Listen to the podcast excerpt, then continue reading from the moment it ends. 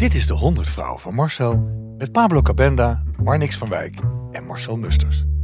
In deze aflevering gaan we praten met Mas van Putten, programmamaker, eindredacteur, chef en kookboekschrijver. En ze was ook eigenaar van De Vrouw met de Baard, toch? Het restaurant. Ja, Wat nu helaas niet meer bestaat. nee, sinds kort, maar ze eh, doen nog wel private dining, eh, heb ik begrepen. Ja, ja. En ze zijn net begonnen met een derde kookboek. Oké, dus eh, wat je niet meer bij hun kan eten, kan je nu gewoon zelf klaarmaken. ja, waarschijnlijk ja. Ja, ja, ja. Nou, eh, ik ben heel benieuwd. Ik ook. Ja, nou, we gaan het horen. We gaan het horen.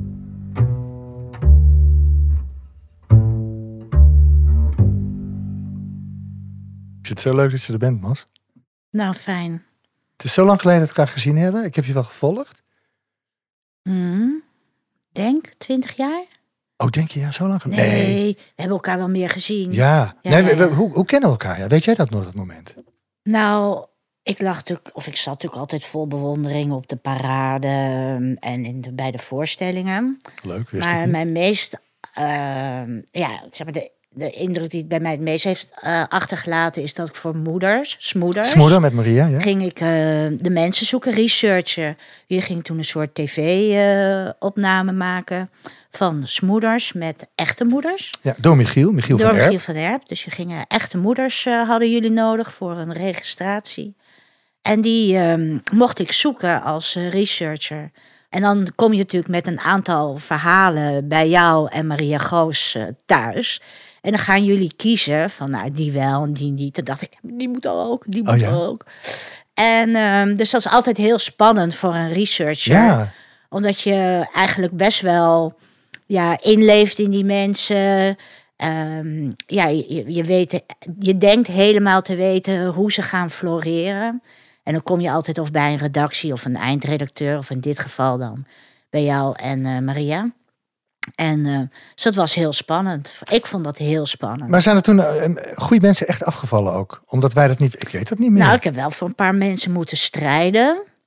Paar maar hoor. En eh, de meeste vonden je allemaal leuk. En ik geloof, denk dat er eentje afgevallen is. Maar ik zou het echt niet meer weten wie, wie maar het was, ik vond het een hele mooie aanvulling in die, Ja. in die te- televisiefilm. Die mensen. Ja, Maar is het dan, dan zeker twintig jaar geleden? Nee, toch? dat is denk ik twintig jaar geleden, ja. Weet je. Ja, maar ik ken jou van daarvoor. Want ik, ik herinner me dat ik jou ontmoet heb bij de opname van, nou, wat ik net vertelde, een Sinterklaas opname. Iets met eh, Lang Leven Nederland. Iets van een, een programma dat jullie toen deden. Ik kan het me niet meer herinneren, maar ik, ehm, ik ben niet zo goed in eh, herinneringen en jaartallen. Ik ook niet hoor. Oh, gelukkig.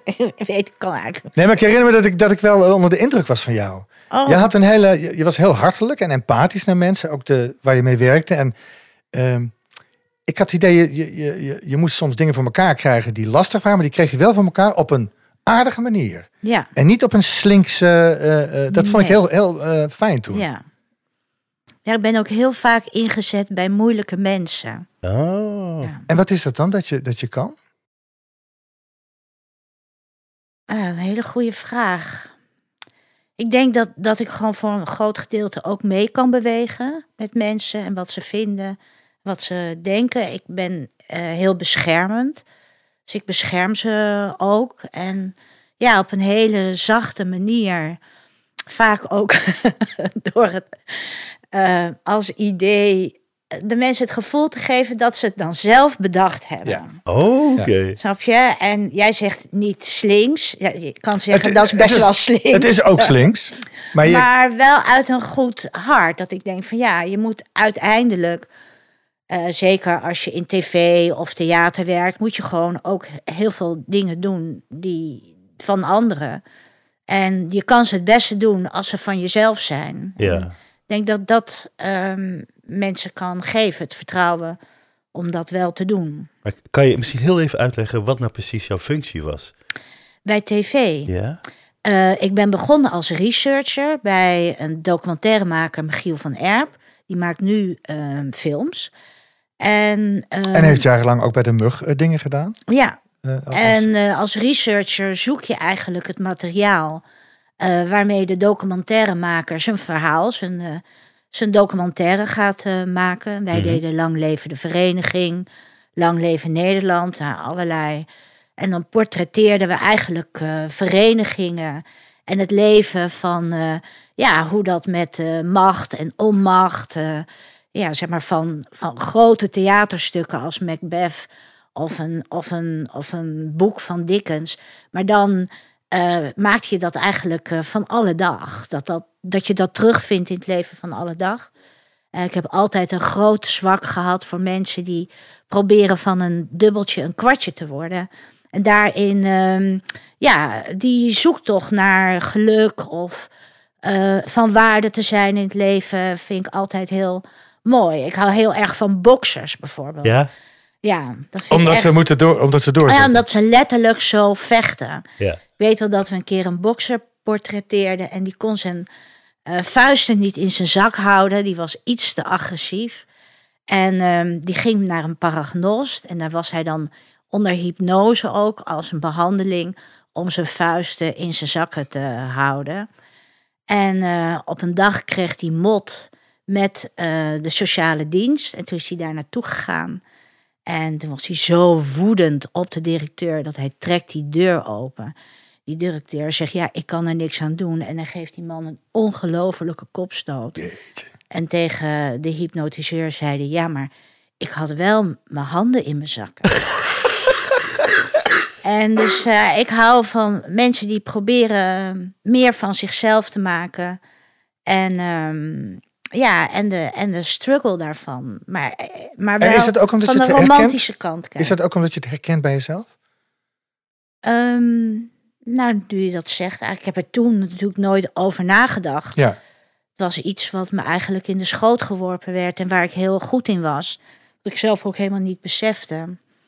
En na zes jaar ben ik ehm, naar studioprogramma's gegaan. Dus heb ik veel met Dolf Jansen en Claudia de Brij en De Mike en Thomas Show. Mike en Thomas Geweldig. Show. Daar was ik zo trots ja, was op, echt man. een unieke quiz. ik. Ja, dat dat absurdisme, Ja. hè, wat, wat, wat, dat vind ik. ehm, dat was denk ik het leukste aan mijn documentaire periode. Dat de wereld om je heen daadwerkelijk gekker en onvoorspelbaarder is. En absurdischer is dan je ooit kan bedenken. En ehm, ja, dat vind je natuurlijk bij de Mike en Thomas Show Ja. eh, terug. Ja. En eh, ik ben nog steeds goed bevriend met ze. En ik hou heel erg van hun. Ja, Ik vond het ook zo mooi vormgegeven, het ja, programma. ja. Slim. Ja, slim, onder, Ja. onderhoudend, En grappig. die waren altijd heel zenuwachtig. Die zijn echt een beetje nerdy. Dus die konden dan, die waren dan ook zo onder de indruk van de gasten die binnenkwamen. Oh ja? Ja? En ik weet wel dat Imca Marina binnenkwam. Zei ze, ja, maar wij kunnen echt niet tegen Imca Marina praten. Dan zei ik, ja, je moet toch echt leren om je gasten een hand eh, te geven. En eh, je, jij moet hun welkom, want zij zijn Ja, straks jouw goud in jouw programma. Zij moeten gaan leveren. Dus je moet het hun fijn maken. Nou, Als ik het zo hoor, dan, dan heb je eigenlijk veel meer gedaan dan alleen maar research. Of op die heb ik een veel te beperkt beeld van wat research inhoudt. Ja, dat is meer eindredactie. Ja. Ja, toen was ik eindredacteur. En bedacht ik ook eh, zelf eh, programma's. Ja. Ja. En wat ik wel grappig vind, want Marcel die vroeg je er net ook wel van, heeft dat iets te maken met je eigen situatie? En toen zei je, nou ja, ik denk er nu voor het eerst over na, maar je hebt nog niet echt een antwoord erop gegeven. Nee, ik heb er ook nog niet echt over nagedacht. Ik weet wel, mijn laatste research was bij eh, mevrouw en meneer Peer in Roosendaal. En meneer Peer, die was eh, echt heel lang, twee meter. En die had geen gebit. En mevrouw Peer was 1,50 meter. En die was een koekje. Dus ze werkte ook in de koekjesfabriek in Roosendaal. En zij waren zo verliefd op Ah. elkaar. En ehm, ehm, van mevrouw Peer, die maakte eh, puzzels. Dat was haar hobby. En meneer Peer, die werkte eigenlijk niet, want meneer Peer had last van weemoed. Want ooit was zijn broer van een boot gevallen op zee en verdronken. En sindsdien was hij overvallen door weemoed. En, en toen zaten er twee zulke gelukkige mensen op de bank. En toen dacht ik, ja maar Mas, nu wordt het tijd om een eigen leven te gaan maken. Want ik leefde eigenlijk mijn leven door die mensen heen. Ja, Zij ja. vertelden Ja. waarschijnlijk heel veel verhalen. Maar dat weet ik echt niet, daar moet ik echt over nadenken. En tijd hebben om dat te voelen. Ehm, ja, dat, dat zij, ik kon ze ook allemaal nadoen. Ik speelde altijd voor Michiel alle personages. Maar het is alsof ze ze ook, dat je ze gebruikt hebt voor jezelf om iets in jezelf aan te leggen. Ja, En te snappen. Of te, ja. dat zal ook ja. wel natuurlijk. En Toen dacht ik, nu moet ik op zoek naar de liefde. Ah. Want als meneer en mevrouw Peer zo kunnen leven samen en zo Ah. gelukkig zijn, dan moet ik nu ook naar de, ja, de liefde gaan zoeken. En die ben je gaan zoeken. En die heb je En gevonden. die heb ik gevonden, ja. Oh, vertel. Ja, dat vind ik ook zo. Nee, ja, vertel. Nou ja, ik ben dan eh, een Indo, hè, Indisch. Dus ik heb eh, Europese en Indonesische voorouders. En als de ene Indo de andere tegenkomt, dan zeg je altijd van... hé, hey, ken je die of ken je die? Want je probeert toch je familie groter te maken. En eh, zo heb ik hem eigenlijk ontmoet. En we allebei kenden we niemand eh, wederzijds. Dus dat was best wel een teleurstelling. En op een dag zat ik buiten op mijn stoepje. Het was een hittegolf. En ik had toevallig mijn hele Schotse ruitkleding aan die dag. En dat was veel te warm. Dus die had ik uitgegooid. En ik zat zonder BH, zonder onderbroek. op mijn stoepje van mijn huis. Wat ik net vier dagen daarvoor had gekocht. En met een heel mooi stoepje dat ik dacht van ja, maar met dit stoepje komt iedereen bij mij langs. en dan krijg ik alle vrienden en liefde. En, en eh, op dat moment toen kwam hij eh, langs. En hij is een Indo-Molukker. En ehm, heel direct. Dus toen zei hij van, eh, oh, dus hier woon jij. En ehm, ben je getrouwd? Heb je een relatie? Heb je dit? Heb je dat? Wil je een keer met mij uit? En het was zo warm en ik zweet aan alle kanten. En zo'n stoepje is zo grijs. En ik dacht, als ik nu opsta, dan zie Zit het je nat? maat 46 op dat stoepje getekend. Dus, en zo zijn we eigenlijk aan de praat eh, geraakt. Omdat jij bleef zitten. Bleef zitten Wat omdat ik niet op durfde te Oh, staan. fantastisch. Ja. Ja. Maar hij had jou dus op het oog ook. Hij is mij echt op het oog. ja, want, want dat is zo doortastend. hij is Zou ik zo. niet eens Ja, durven. ja. ja, het is echt een. eh, ja, het is, ja, hij is een hele fijne mengeling. Dus hij is super slim en belezen. En, eh, maar echt ook eh, van de straat. Ja. Ja. En ehm, ja, hij is natuurlijk Molux, dus eh, hij heeft ook, eh, ja, is ook lost geweest Ja. met zijn identiteit. En eh, is ook een boefje geweest. En ook in het Molux banenplan gezeten. En eh, ja, daar is een heel bijzonder mens uitgekomen. Ja, zeker. Ja. zeker. En hoe lang zijn jullie al samen nou? Elf jaar. Oh, wauw. En jullie hadden het koken gemeen natuurlijk, of niet? Ja, we hadden het koken gemeen. En ik denk, ehm, ik was toen, hij wilde toen een afspraak, maar was best wel afhoudend. Want ik ben ietsje ouder en dacht, nou, ik heb helemaal geen, eh, niet echt heel veel, eh, ja, ik weet niet, het was gewoon stom. Maar zag je hem eigenlijk vanaf het begin ook al zitten, of niet? Ik, eh, Ja?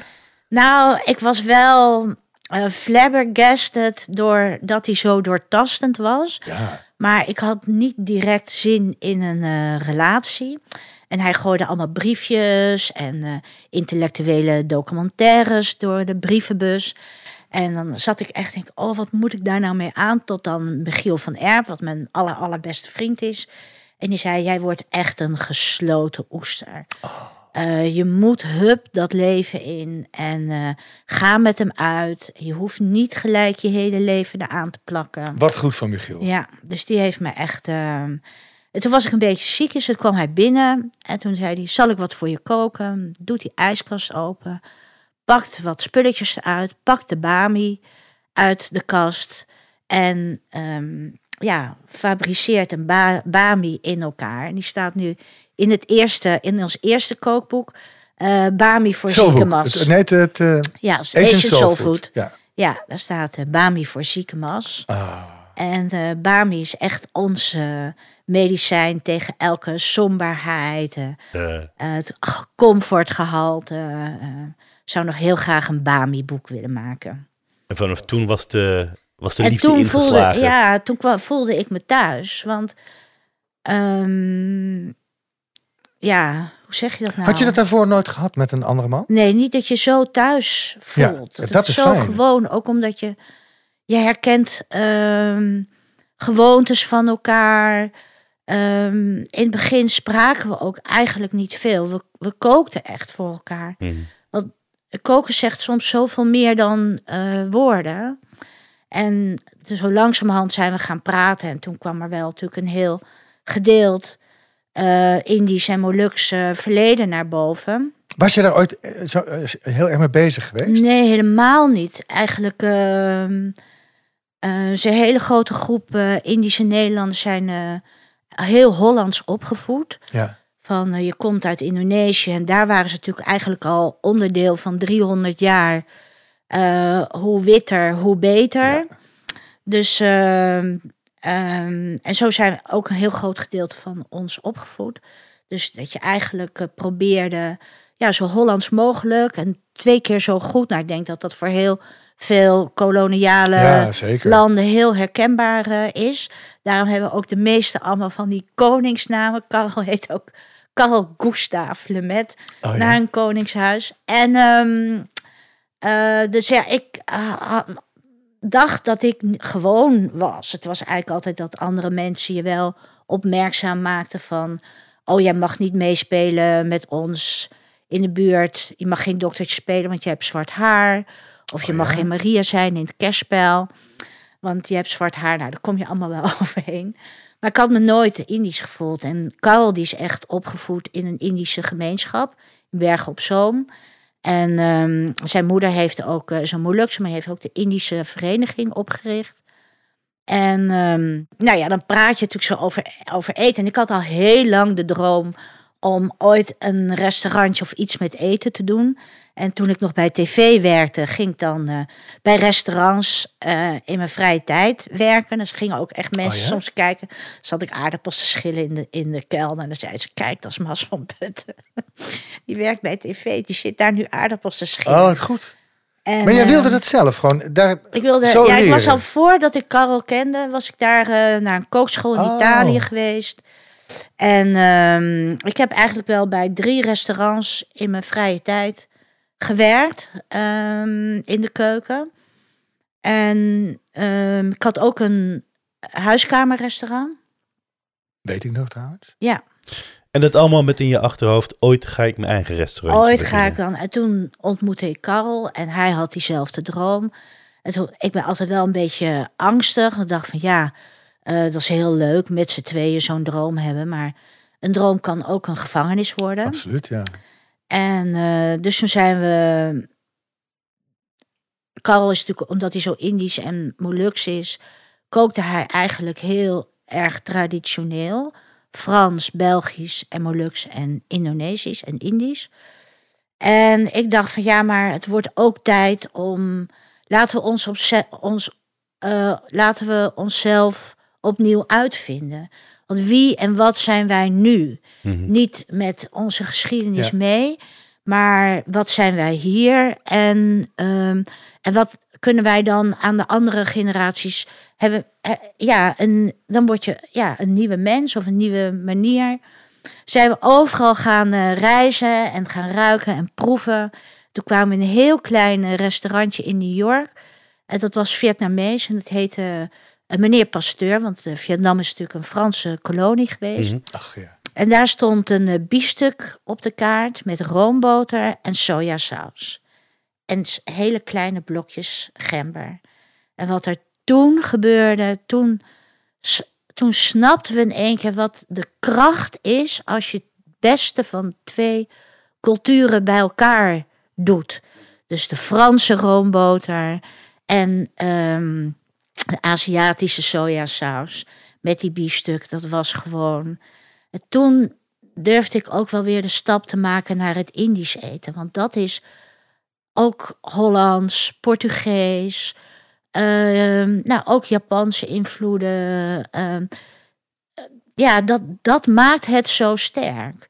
En dat heeft me ook altijd geboeid, weet je wel. Van, het is eten, als je... Fusion is zo'n leeg woord geworden. Mm. Maar het staat eigenlijk voor de wereld is in beweging. Mhm. En in Zuid-Amerika is dat veel meer. Weet je, dan heb je de Peruaanse keuken. Daar hebben zelfs de Chinese invloeden en de Japanse invloeden hebben eigen namen gekregen. En dat bestaat daar gewoon in Peru. Heb je de Shiva-keuken en de Nippon-keuken. En hier is het altijd, het is wat moeizamer hier om, uh, om vrij te zijn. Weet je, je maakt gewoon eten van reizigers en dromers. En je maakt eten van mensen die of ergens uh, onwillig naartoe gebracht zijn. Um, en proberen de verhalen van het land van herkomst door te geven aan hun kinderen. Snap je wat ik bedoel? Mm in, in de slavernij of zoals de, de Molukkers naar Nederland gekomen zijn. Ja, eten is zo'n um, identiteit. Hier in Nederland is het vaak gewoon, ja, je eet en het is lekker of niet. Maar ja, het, is, het maakt je aan het huilen. Het, het maakt je hart blij. Het is, je geeft die verhalen door. En dat is natuurlijk bij ons ook gebeurd. Uh, dat dat eten vertelt over een ver land. En voor sommigen was het een bevrijding om daar weg te gaan. En voor heel veel mensen is daar hun land weggenomen. Ja. Ben je dan toen ook zelf ook heel anders gaan koken? Nou, toen ben ik daar, als je de kracht ervan inziet. En als je dan denkt, oké, dat is dus wat, waarom mensen altijd zo graag Indonesisch of Indisch, omdat dat, dat, dat uitzicht, die liefde of die verhalen uitzicht in, in comfort. En als je dan denkt van, oké, ik leef nu hier, hè, toen eh, dus in het jaar 2000 zoveel, maar wat, uh, ik ben ook in beweging, hoe kook ik dan? Welk verhaal vertel ik dan? De, de, de, ik ben tweede generatie, komt een derde en een vierde generatie. is een hele grote groep dertigers om ons heen. Die allemaal willen dat de wereld anders en beter. En toen is, een mooi voorbeeld is, we hebben de bloemkool besenge. En dat was de ayam besenge. En dat is een kipgerecht. En Karel heeft die uh, met bloemkool, ja. samen hebben we dat ontwikkeld. Maar Karel die kan heel goed dat comfortgehalte van die saus. En nu, weet je, op een gegeven moment vroeg niemand meer naar kip. Iedereen had gewoon bloemkool besenge. Het is ook echt een gerecht waar, waar mensen voor terugkomen. En nu het restaurant gesloten is, ja, zouden we ergens kunnen gaan staan. En dan verkopen we dat in bakjes. En die saus, dat is. En dan geef je, verander je jezelf. Maar je geeft wel het verhaal door van die saus van de kurkuma, het aardse van die kurkuma. Het uh, romige van de, van de kokos. Het geknisper van die bloemkool in een frituurjasje. En als je dan in die bloemkool komt, is dat die, ook weer die zachte comfort van die kip. Nou ja, je hebt het dan niet meer nodig. Ja, ja. Ik kreeg er haast honger Ja, ik, ik, kreeg, want ik heb gisteren het boek doorgekregen. En toen kreeg ik al helemaal dat het, het, Pavlov-reactie, weet je wel. Oh, wauw, ja. Dus ja, en dan geef je het door. En, en in het begin van ons restaurant. Want, oh ja, toen zijn we dus uiteindelijk, toen durfde ik het aan. Daarna om een eh, restaurant te gaan. Nee, niet een restaurant, we hadden een catering. Maar ja, toen ging de, we hadden gewoon een catering, dat deden we vanuit huis. Toen ging de buurman klagen over de luchtjes. Nou ja, dat waren we wel gewend. Toen zijn we naar een shared kitchen gegaan. En toen zijn we naar uh, de plek waar het restaurant, de vrouw met de baard. Dat was best wel een bekende plek geworden in Amsterdam. Topplek. Daar deden we lunch en deden we een uitvalbasis naar uh, catering. En toen was er een hele grote verbouwing van de buurman. En toen waren we onzichtbaar. Toen zeiden we, nou weet je wat, we gaan Weet je wat? Altijd oplossingen. Weet je wat? We gaan gewoon s'avonds een paar keer open. En toen kwam uh, er een, uh, heet ze nou ook weer, zo'n hele beroemde um, recensenten. Hilke Versprillen. Hiske Versprillen. Versprillen. Die kwam binnen. En toen kregen we een 8,5. Oh, ja. En toen was het niet meer te stoppen. Is dat meteen te merken dan, ja? Ja, er staan echt mensen voor je raam. Staan ze zo naar binnen te staren van... Uh, oh, wat is dit? En ik ken het niet. Oh en, uh, ja, toen hadden we in één keer van uh, eh, 20 mensen, hadden we 50 mensen per avond. Maar ik vraag me dan toch af, want het restaurant bestaat niet meer. Nee, sinds anderhalve week. Maar ja, je had opeens onverwacht succes. Heb je nooit bij jezelf gedacht van, nou, misschien vind ik dit wel leuk en moeten we wel een restaurant blijven en misschien ook wel uitbreiden met personeel en... Ja, dat had gekund. Zeg maar, voor corona waren we al heel ver dat het restaurant best wel zelfstandig draaide. En kwamen wij gewoon om de gerechten te ontwikkelen en bij te sturen. Maar toen kwam corona en dat veranderde alles eigenlijk. Ja, ja. En ehm, heel veel mensen zijn uit de horeca gegaan. Heel veel vast personeel. Naar een wijnhandel. Een werkt nu voor de gemeente. Ehm, ja, mensen gingen. Het was gewoon geen toekomst meer. En we hebben het zeker in corona. Hebben we drie ploegen ingewerkt. Die ja, dan weer na een, ehm, een, een koerswijziging van. Ja, je moet om 11 uur dicht. Je moet om 10 uur dicht. Je moet om acht uur dicht. Oké, gooi nu al je spullen morgen maar in de prullenbak. Want eh, we zijn vanaf morgen weer gesloten. En dat kan je één keer doen. Maar als dat gewoon 2,5 jaar lang doorgaat, ja, dan crash je gewoon. En maar inwerken en niemand die nog meer toekomst zag. En we konden geen lening krijgen meer bij de bank. Niet dat ik dat wilde, maar om, om duidelijk te maken dat er gewoon in één keer was de horeca niets meer. Gewoon. Jeetje, ja. En ehm, ja, de handhaver steeds voor de deur, die echt eh, ja, zoveel angst veroorzaakte. Mensen die je niet meer mocht binnenlaten omdat ze niet ingeënt waren. Wat ook heel veel slimme, fijne, lieve, warme mensen waren. Ja, dat, dat eh, ja, denk voor, wij zeiden altijd, we heten de vrouw met de baard. Dat het dat anders zijn bijzonder is en dat je de moed hebt om dat te laten zijn. En dat er, en dat er dan in één keer, en dat je daarmee ook zegt, ja, iedereen hoort erbij. En dat dat dan niet meer kan, dat Ja. was onverteerbaar voor ja, ons. snap ik. Ja. Dus ja, toen, eh, toen, ben, eh, toen ben ik gecrashed en dat was heel goed. Dat was heel goed. Ja? Ik had al zoveel dingen bedacht en eh, opgelost. En ehm die heb ik een beetje verlegen. Het best nog wel een moeilijk onderwerp, maar ik praat er wel over, want het is gewoon heel belangrijk. Want iedereen kent het Indisch eh, zwijgen, Ja, maar wat zit daarachter en welke geheimen zitten daarachter? Eh, dat onze ouders zo eh, gezwegen hebben. En eh, bij mij is een van de geheimen dat ehm, mijn moeder is ehm, in Indonesië met haar twee zusjes achtergelaten in een weeshuis op Malang. En haar moeder, mijn oma, is met een nieuw wit gezin dan, met een totok, naar Nederland vertrokken om hier opnieuw te beginnen. En mijn moeder heeft daar acht jaar eh, gezeten, denk ik zo. Ik ben nooit zo goed in jaartallen. Toen ze naar Nederland kwam, ehm, mocht ze haar moeder geen moeder noemen, maar tante. En ze had gelijk eigenlijk ehm, ja, ehm, pleeggezinnen voor haar gevonden. En mijn moeder was nogal een, eh, een eh, robuuste, pittige dame die echt niet van zich af. Ze beet behoorlijk van zich af. En eh, die, heeft elf pleeggezinnen eh, gehad. En eh, voordat ze mijn vader ontmoette en mij kreeg. Maar ja, daar zat natuurlijk zoveel onverwerkt. Was je al op de hoogte van dat hele verhaal of heb je dat pas later gehoord? ja, ik wist dat verhaal wel, maar waarom zij nou achtergelaten is in dat weeshuis, dat vul ik zelf in. Hmm. Want ik weet wel van een tante die ernaar gevraagd heeft op het moment dat mijn oma stierf. En die schijnt geantwoord te hebben, dat geheim neem ik mee in mijn graf.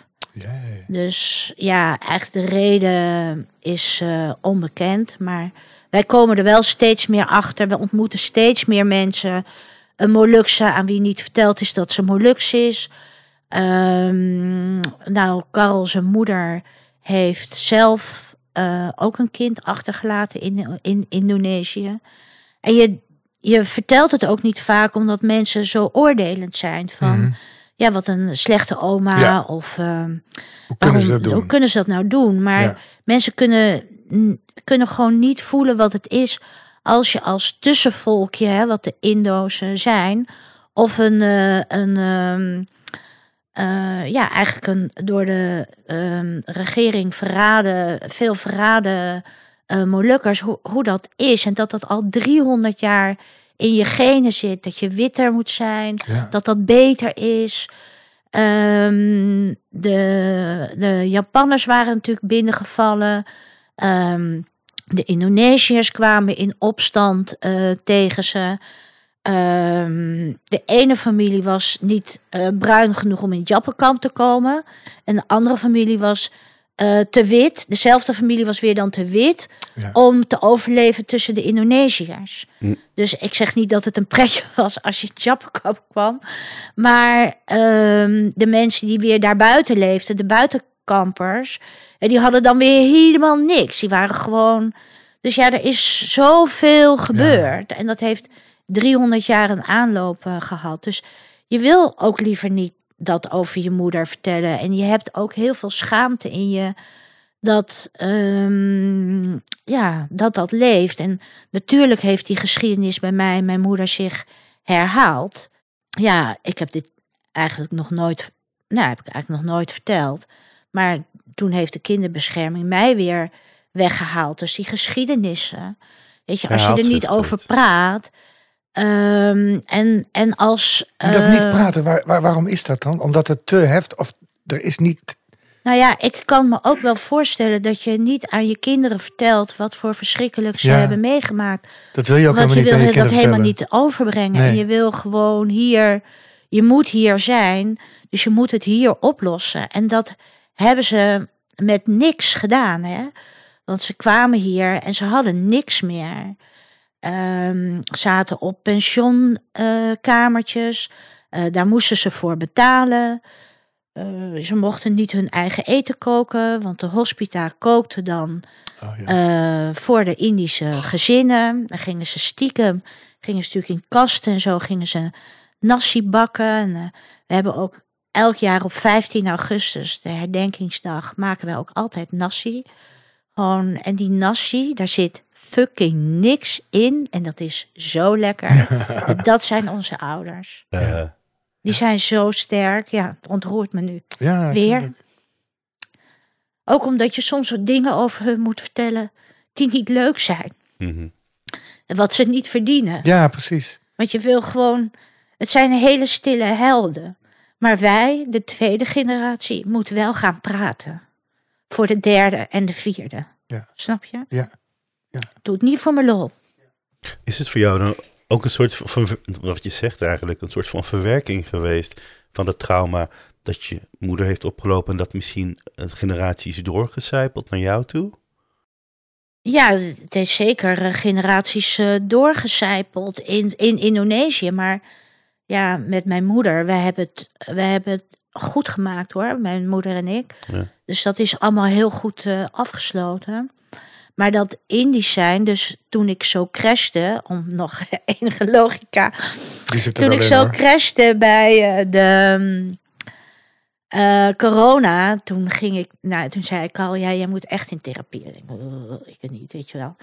En ehm, toen ging ik naar de dokter en toen zei hij, wie is je vader, wie is je moeder? En toen vertelde ik dat, zei hij, oh, zegt hij, jij bent tweede generatie oorlogsslachtoffer. En ik dacht echt, nee, weet je, ik ben mas, ik ben altijd vrolijk. Ik ben nooit depressief, ik ben Ja. nooit down, ik pak alles op. Ik ben geen slachtoffer. Mhm. En ehm, maar ja, ik voelde me gewoon echt niet eh, goed. En toen ehm, heeft hij me direct naar de psycholoog, eh, kon hij mij plaatsen. En het begon eigenlijk met hele simpele dingen. Dat, je kent dat wel, ik weet niet of jullie wel eens bij de psycholoog zijn geweest. Dan denk je nou, vandaag gaat heel goed. Ik heb echt helemaal niets meer te vertellen.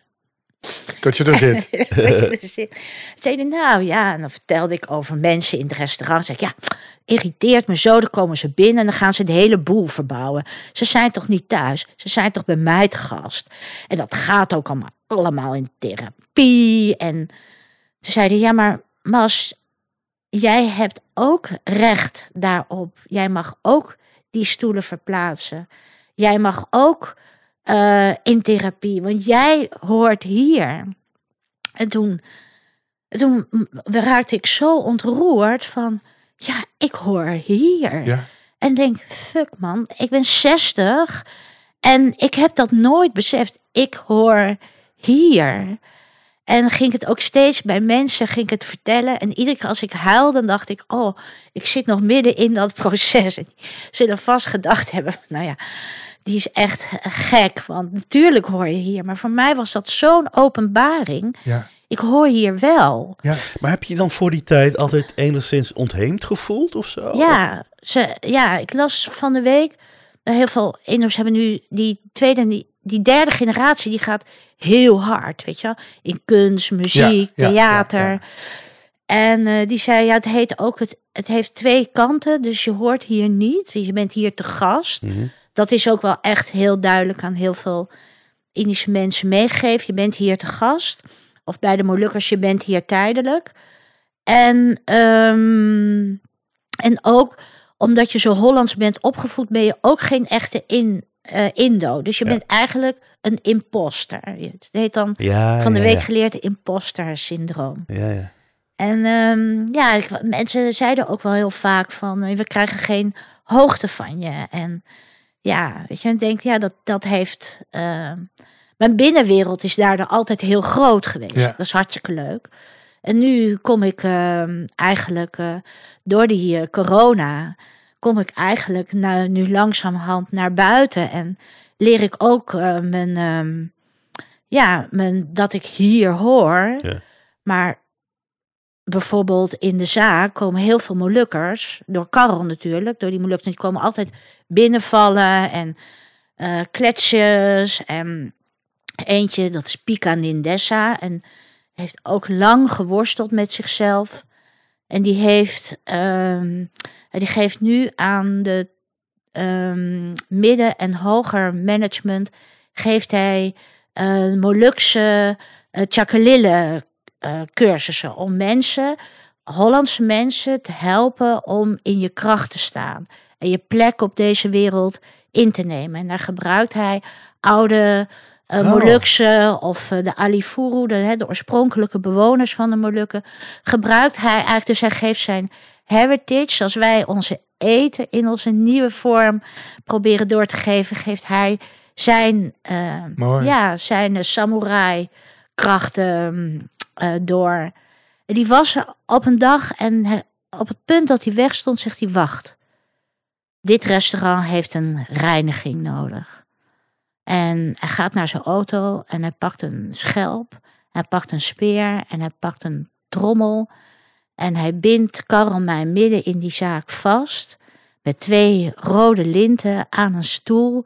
En ik kon nog net denken, ik heb hier echt geen tijd voor. Want Oh ja. Straks komen de mensen binnen. Ah. En hij begint op die hoorn te blazen. Om, om de voorouders op te roepen. En we zitten in, nog in dat zijstraatje van de Haarlemmerstraat. Ja.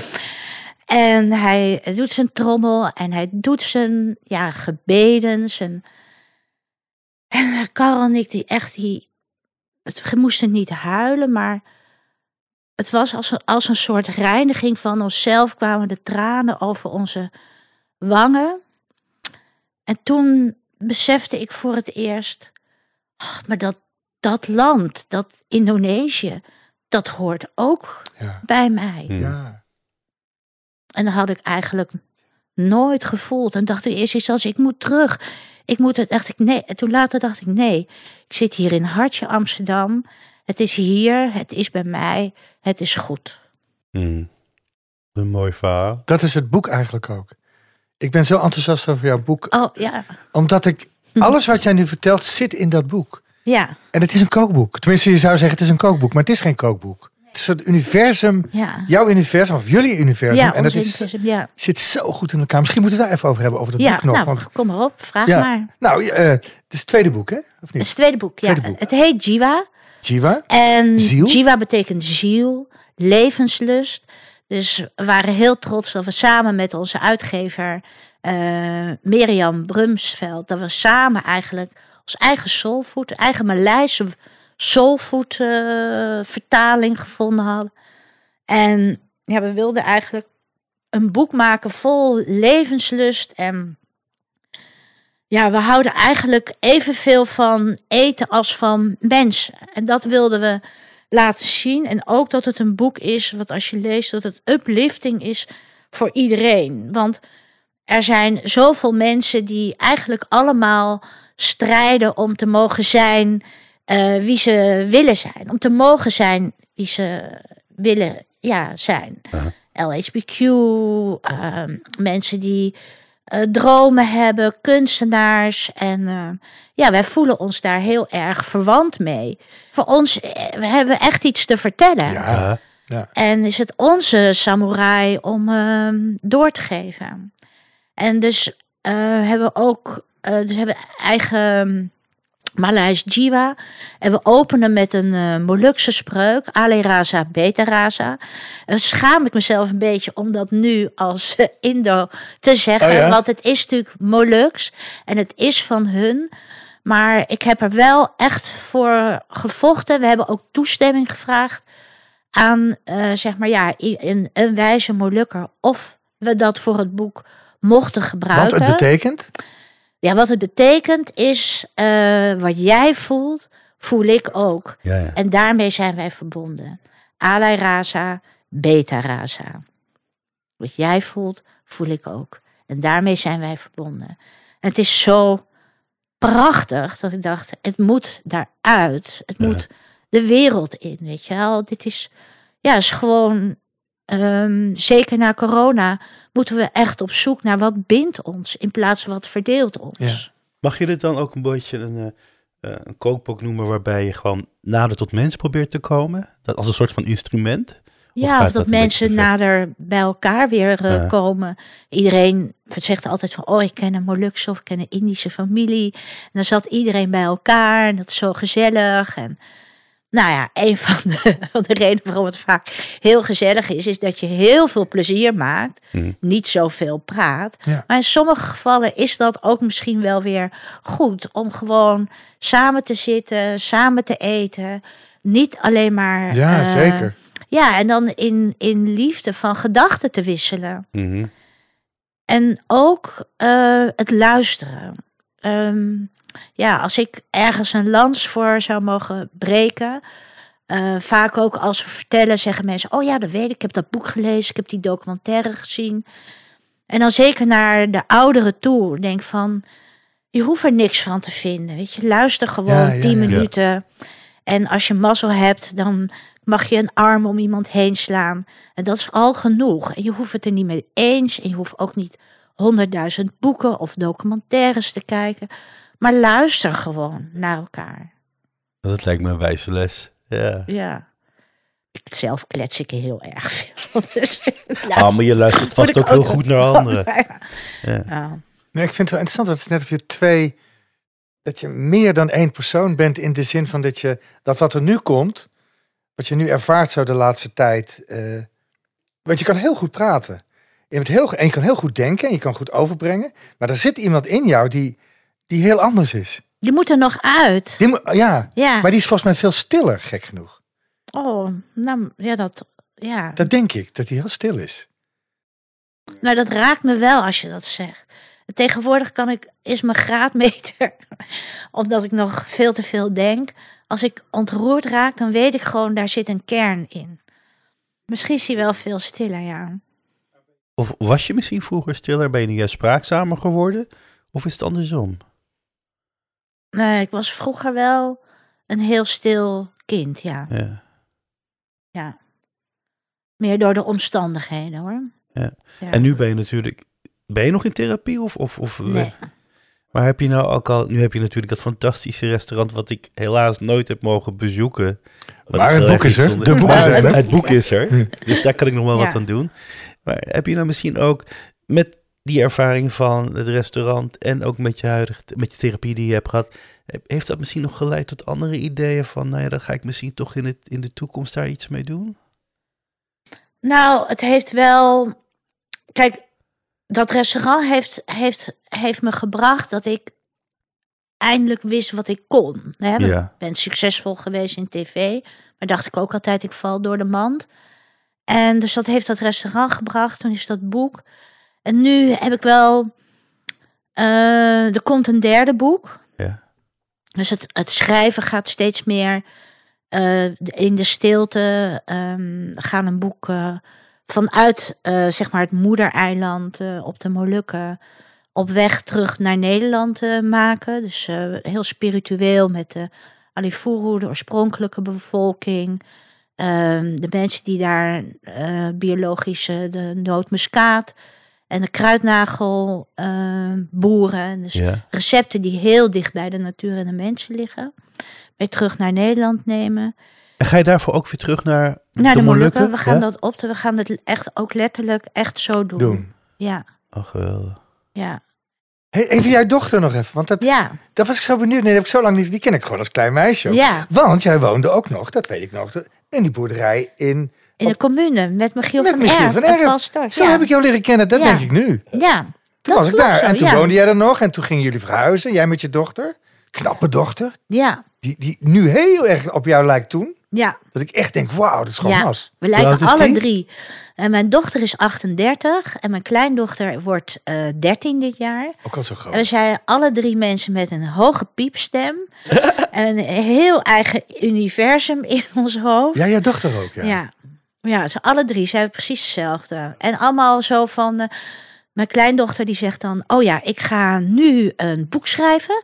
En dan ga ik nu even vijf keer huppelen.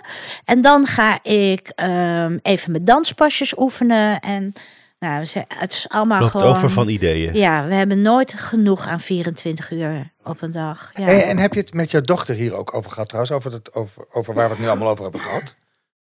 Ehm terloops. En soms denk ik wel eens van... Oh, wat zij is natuurlijk altijd veel te druk om alles goed te lezen of eh, Ja. te volgen. En ehm eh, wat ze pitchen in het herenteam van de honkbalvereniging. Oh ja? En in damesteam. In het en de? Nederlands, ja, bij het herenteam. Wauw. Cool. Ehm, dus ik denk wel eens als ze ooit zoiets hoort als dit, dat ze echt denkt, mam, waarom heb je me dat nooit verteld? Ja, ja. Ja. Maar ja, dat hoort er natuurlijk een beetje bij, bij die dat stille... hoort erbij, eh, ja. Ja, Ja, maar dan kan je bij jezelf ook denken, misschien maak ik wel precies dezelfde fout, als je het een fout kan noemen, als mijn moeder. daarom praat ik nu en Ja, daarom vertel ik over de kinderbescherming en daarvoor vertel ik ook, hè, want die, nou ja, we weten nu wel een beetje hoe de kinderbescherming eh, in elkaar zit. Die hadden toen natuurlijk veel beter op moeten letten wat er is aan de hand en hoe kunnen we ze helpen in plaats van uit elkaar te trekken. En ehm, daarom is het zo belangrijk dat wij als tweede generatie ons mond opentrekken en ehm, Mhm. dat het zich niet herhaalt. precies. En ehm, kijk, het voelt natuurlijk als schaamte om dan hier ontroerd te raken en te huilen. Maar ik doe het gewoon, want ik vind het noodzakelijk. En een tijdje geleden waren we bij Molukkers in Arnhem. En dan gingen we dan ook een presentatie. Nou, bij Molukkers vind ik het dan toch nog echt wel een tikje enger Oh ja? dan bij jullie. En, ehm, Ja, maar dat is ook wel zo. Sorry dat ik je Ja, onderbreek. Dat is zo bizar, want je bent natuurlijk met Carl al heel lang. Dat is een Ja, maar dat is toch ook, weet je, ze zeggen ook tegen van, oh ja, met een Indo-meisje. Ah. Want wij zijn natuurlijk toch wel bij de verraders. Oh, Ja. zo, ja. Het is al lang, maar dat zit er toch altijd Ja. een beetje in. En je kijkt ook zo met bewondering naar hun, want zij hebben hun tribe, weet je, hun adat, hun gebruiken, eh, het samen zijn, omdat ze natuurlijk onvrijwillig, zonder geld, in die oude concentratiekampen Ja. gestopt zijn, is, zij, is die verbondenheid zo sterk. En ik voel me dan altijd een beetje een luizige Indo daarnaast. maar ik ben wel een kletskous. Dus ehm, toen heb ik het ook gewoon, dacht ik, ga gewoon alles vertellen. En eh, je hebt dan allemaal van die mensen, die hebben allemaal natuurlijk waanzinnige tattoos. En ziet er allemaal zo als krijgers eh, uit. En, ehm, en ik dacht, ja, ik ga gewoon ik moet huilen, maar ze mogen ook best zien dat je daartegen vecht. En dat je toch probeert door die pijn heen te gaan. Omdat er iets is wat belangrijker is dan jijzelf. En dat is die Mhm. missie. En toen zei hij later van, nou ja, ze- zaten allemaal te huilen. Oh. Al die, je, ziet dat zelf dan niet. En, maar later kwamen ze wel, na afloop kwamen ze allemaal naar ons toe van, eh, nou dankjewel. En ik heb ook een dochter en ik heb dat te laat ben ik gaan praten. En mijn ouders hebben zeg, nooit ja. gezegd dat ik Molux ben. En ja, er is een hele beweging nu gaande, dankzij een subsidie ook die verstrekt is. Dus al die verhalen komen naar boven. Maar als ik naar die derde generatie kijk, man, eh, wat die allemaal aan prachtige kunstinstallaties maken, aan ja, gedichten, spoken word, rap, weet je wel. ja, dat is ja. echt gewoon Ja, dat die zijn zo powerful en die denken niet meer vanuit het trauma, maar die gebruiken dat al als veerkracht. En die doen er iets creatiefs mee. Ja, en positiviteit brengen. We moeten nu door. Ja. We kunnen niet blijven hangen, want dan staan we stil. We moeten door. Soms doet het pijn, maar Maar ik denk dat zij ook die pijn niet voelen die eh, de generaties daarvoor hebben gevoeld. Dus daardoor kunnen zij met veel meer veerkracht eh, de toekomst ingaan. ik denk ook dat we gewoon heel lang ook niet gesproken hebben over onze ouders, ook uit respect. Natuurlijk. Want je zal het maar meegemaakt precies. hebben. En ook nu is ook wel de discussie van ja, moeten zij dan nu altijd met ons praten? Want ik zie mijn tante van 84 en een oom van eh 85. Ja, weet je, je, je, je, je rakelt dingen open Ja, van een moeder ja. die mishandeld wordt op een plein. Er zijn zoveel, weet je, en wat we zien zijn dansende mensen die op een 85ste jiven. Die ik overal mee op tournee wil nemen, omdat ze ervan houden om te shinen. Die stappen gewoon één keer per jaar op een bus. Ja. 84, 85 naar Spanje. Eén bus met bejaarden, één bus met muzikanten. En dan gaan ze naar Spanje, gaan ze dansen. De, Wat de potje goed. potje, weet je wel. Dat is een soort dans van verbinding. Ja. En ehm huppakee, daar gaan ze en niets houdt hun tegen. Maar ja, dat is natuurlijk, Ja. daar wil je het, dat wil je, dat is wat je door wil geven aan nieuwe Hm. generaties. Dat gebruik wat jou, met jou gebeurd is om naast anderen te staan. En want je hebt zoveel te geven, je hebt zoveel te vertellen, want jij weet, alle raza, beta raza, wat die ander voelt. Ja. Omdat je het zelf hebt gevoeld. Ja, ja, ja. Dat is mooi, dat valt op zijn plek. Ja. ja.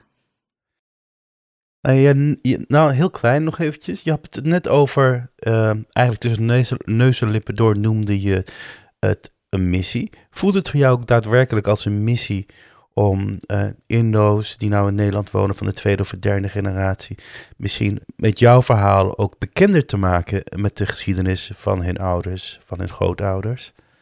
Nee, ik denk dat mijn missie is om mensen ehm, naar elkaar te laten luisteren en te laten voelen.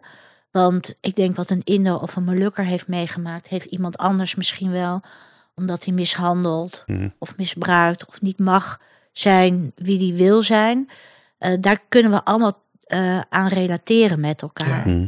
En een missie helpt mij om mijn verlegenheid te overwinnen. Want dan hoef ik niet over mezelf te praten, maar kan ik het voor anderen Ja, doen. ja, en, en ik gebruik wel mezelf om open te zijn en eigenlijk mezelf een beetje te leren kennen. Dit is zo mooi, Mas. Wat je Ja. zegt. Echt heel erg mooi. Ik vond het ook heel fijn om hier te zijn. Oh, jullie zijn hele fijne mensen. Ik vind het zo goed dat je, ja, dat je iets wilt doorgeven. Met het verleden, maar je wil het wel door, iets, het goede ervan doorgeven. Ja, En de ellende daar laten. ja. Ja, de ellende is net als een vijfde jaar, als een winter, weet je wel. Het, het, je breekt door de weerbarstige aarde heen. En jij zegt net dat je zelf, hè, je bent ook in therapie geweest. En dan weet je gewoon, je moet door die weerbarstige schillen uit. Doorheen, door de aarde heen. Om opnieuw geboren te worden. Wauw. Als je te lang doorgaat zoals jij, dan is die aarde dikker geworden. Mhm. Ik ben nu pas een beetje aan het groeien weer. Ja, maar het is ook heel leuk. Want het klinkt allemaal heel zwaar, maar het is natuurlijk gewoon hartstikke leuk als je nu op je 62ste nog allemaal dingen ontdekt. En dat je denkt, ja, ik kan echt niet doodgaan. Ik heb het daar veel te druk veel te voor. Nee, en zeker Nog met je zoveel wijsheid. avonturen. Want je hebt veel wijsheid opgedaan waar je nu eh, nieuwe avonturen mee kunt doen. Ja, ja, Want ik vind dat boek, ik ben echt zo enthousiast over het boek, omdat het echt in vormgeving mooi is. Wat jullie vertellen is mooi. Het gaat diep over het verleden, maar het gaat juist over hoe gaan we door via eten. En nou ja, bijna alles wat erin staat makes so much sense. En het is vrolijk. Het Ja. is, het is aanmoedigend. ja. Ja, het is echt vrolijk en eh, voor ons, en ik denk voor heel veel mensen is muziek natuurlijk. Hè, eten is voor mensen die niet praten een vorm. Maar muziek is natuurlijk ook een vorm om te raken. Dus bij elk hoofdstuk zit een QR-code. Met Spotify-list, hè? Ja, ja, ja. Dus Oh, geweldig. Karel die heeft eh, overal muziek bijgemaakt. En ehm, ja, het is eigenlijk helemaal, er moet eigenlijk veel meer aandacht aan besteden. Dat, dat die muziek, dat is zo verbonden Ja. met elkaar. Weet je, en dat gaat natuurlijk van, eh, ja, de Saudat, weet je wel. Het, het weemoedgevoel tot Bruce Springsteen. Tot funk, weet je wel. Funk is echt ons ding, weet je wel. Dansen op de vulkaan. Kom, I take you to another space. You don't have to wear some fancy lace. Weet je dat is Ja, dat vind ik zo Ik, leuk. ik, ik bedenk me nou iets opeens, hè? want eh, je, zegt, je zegt ook van jezelf, ik ben een vrij verlegen persoon. Maar tegelijkertijd heb je een hele sociale uitstraling. En dan denk ik bij mezelf, dan is eten misschien wel het geëikte instrument om toch een soort verbondenheid met mensen te voelen als je niet wilt of kunt praten. Ja, Is, is dat, werkt dat zo ja bij zo jou? werkt dat, ja. Ah, oké. ja. Ja, wat grappig. Ja, maar we hebben het eten echt gebruikt om eh, de verhalen aan tafel eh, te vertellen. Van, eh, ja, we serveren dan bijvoorbeeld een, eh serveerden een rendang met een zomerstampotje. Eerst, ik begreep er in het begin ook niks van. Maar ik zei, Klinkt nee, geweldig. ik wil echt een zomerstampotje. Want toen wij in ehm, Nederland kwamen, in Zeeland, we aten gewoon van de grond. Wie bepaalt dat eh Indisch eten of Indonesisch eten altijd met rijst is? Ga weg. De aardappel was al lang eh, door de Portugezen in eh, Indonesië gebracht. En wij moeten hier ook leven van het land. Dus dat was, dat was ook eigenlijk de, zeg maar de reden waarom we onze gerechten farm to table gingen maken. Wij leven hier. En wij doen het met hier, want wij staan in beweging en we gaan door. En daarmee, je roots zijn altijd, hoe zeg je dat? Ehm, je, je roots zijn je ruggengraat. Maar het mag niet een gevangenis worden. Je moet het zo gebruiken dat je het door kan geven. Nou, zo heb ik een keertje een hele lekkere Surinaamse stampot gegeten. Met eh amsooi en zoutvlees in plaats van eh boerenkool en spek of zo. En dat was een hele goeie. Ja, man, Zo super lekker. lekker. En je hebt echt een school die zegt, nou, het mag niet veranderen. En die noteren alles zoals het eh 200 jaar geleden. En die school, dat is heel goed, hè, want dan daar leren we toch van hoe, ja, de geschiedenis, hoe het Ja. toen was. En er is een school ehm, en een groep mensen die zijn hongerig naar vernieuwing, dat het afgestoft wordt. En ehm, ja, wat hebben we nou nog meer? We hebben dat, eh, eh, we, je hebt natuurlijk trassie, hè, dat is een garnalenpasta. Nou ja, de meeste Hollandse mensen vinden dat heel erg stinken als je dat bakt. Maar dat heeft zo'n diepe laag en die stank gaat dan weg als je het in het gerecht eh, doet. Maar dat geeft zo'n umami verdieping eh, aan een uh. En toen zei ik, ja, Karel, kunnen we het niet met ehm zeekraal maken? Dus heeft hij een, uh, een sotto, een sajor, sorry, een sajor gemaakt. Met zeekraal in plaats van uh, trassie. En dan, ja, dan is mijn tante, die eet gewoon de kin op van verontwaardiging dat ik deze heiligschennis. En dat snap ik ook. En dan zeg ik, sorry tante Ron, sorry tante Ron. Maar en dan zie je die dertigers van, ja, maar die, dat die zeekraal. Kom, we gaan naar Zeeland en we gaan naar een zeekraalboerderij. En we gaan het halen. En ja, wat maakt het dan weer van jouw grond? Ja. Ze hebben ook één hoofdstuk hebben we Poelang genoemd. Dat is thuis, hè, naar huis, een beetje weemoed. Als je een t-shirt opdoet met Poelang, Poelang, dan gaan allemaal Molukkers en Indo's gaan naar je lachen. Ja, Poelang. Ja, ja, wat leuk. Vooral jij, Ja. Pablo, want jij lijkt heel erg op een Molukker. Ja, Ja, het- ja, het zou oh. Ja, het zou Ja. zomaar kunnen. En, ehm, eh, en dachten we, ja, weet je, het is altijd daar op de Molukken in Indonesië. Maar voor ons, voor mij is het het Rijswijksplein, de Ja. Haagse Duinen. Voor Karel is het het Zeelse landschap. En eh, om dat ook in je boek te betrekken, weet je, wel, dat maakt ook dat je, ja, dat, dat stukje aarde waarop jij staat, dat is van jou. En dat jij mag het zelf beslissen. Ja, ja. Dat is mooi. Ja. Eigenlijk heb je het al heel veel gezegd. Wat zou je door willen geven aan jonge mensen wat je zelf eerder had willen weten? Ja, nou, jij had me gevraagd die eh, vraag voor te bereiden. Het korte antwoord is: ehm, soms moet je een stap terug doen. Te weten waar je vandaan komt. Dan krijg je bagage mee voor je toekomst. En ik heb dat eh, geschreven voor. Ik heb een stukje daarover geschreven voor mijn kleindochter. Ik, als je wil, kan ik het voorlezen. Ja, leuk. Heb je erbij ook? Ja. Ah, goed. Eet me op en je weet wie ik ben. Om vooruit te kijken moet je eerst weten waar je vandaan komt. Ik neem jullie mee naar het kookschriftje van mijn moeder. Een boottocht bracht haar van rijst naar aardappels, van een weeshuis in Indonesië naar de wijk Krooswijk. Ze werd de kookprinses van Rotterdam. Ik ken geen mens die met meer liefde haar ingrediënten behandelde. Eet me op en je weet wie ik ben. Voor veel mensen uit diverse culturen is eten identiteit. Het vertelt wie ze zijn en de geschiedenis wordt doorgegeven door hun gerechten. Toen ik haar kookschriftje erfde, dacht ik een schat in handen te hebben, maar het was schrikbarend leeg. Zo weinig ingrediënten. Geen verse gember, maar poeder. Geen verse koriander, maar gedroogde. Geen vlees, maar een maggi-blokje. Ze had zich aangepast. En nu moeten wij veranderen.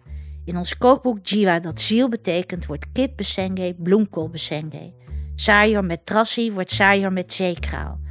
Met een nieuw jasje, maar met hetzelfde comfortgehalte, willen we onze heritage gerechten behouden voor volgende generaties. Aanpassen, niet alles willen, buigzaam als bamboe en dankbaar zijn voor wat de grond je kan geven is een groot goed. Door onze wereld kleiner te maken, kijken wat je omgeving biedt, is bewustwording. Kook met passie en een verhaal. Jouw eten is identiteit. Jouw passie werkt aanstekelijk. En ik eet je op en ik weet wie je bent. Heel mooi. Ah, Lief. Dankjewel. Alsjeblieft. dankjewel, ja. Nou zijn we wel klaar, hè? nou, ik wil nog best een uurtje doorgaan. Ja. Dit was de 100 vrouw van Marcel met Mas van Putten. In de volgende aflevering praten we met mijn New Yorkse vriendin, de fabulous Baby D. Tot dan. Wil je adverteren in onze podcast? Stuur dan een berichtje via mijn Instagram of Facebook of mail naar de 100 vrouwen van at gmail.com en schrijf daarbij 100 in cijfers.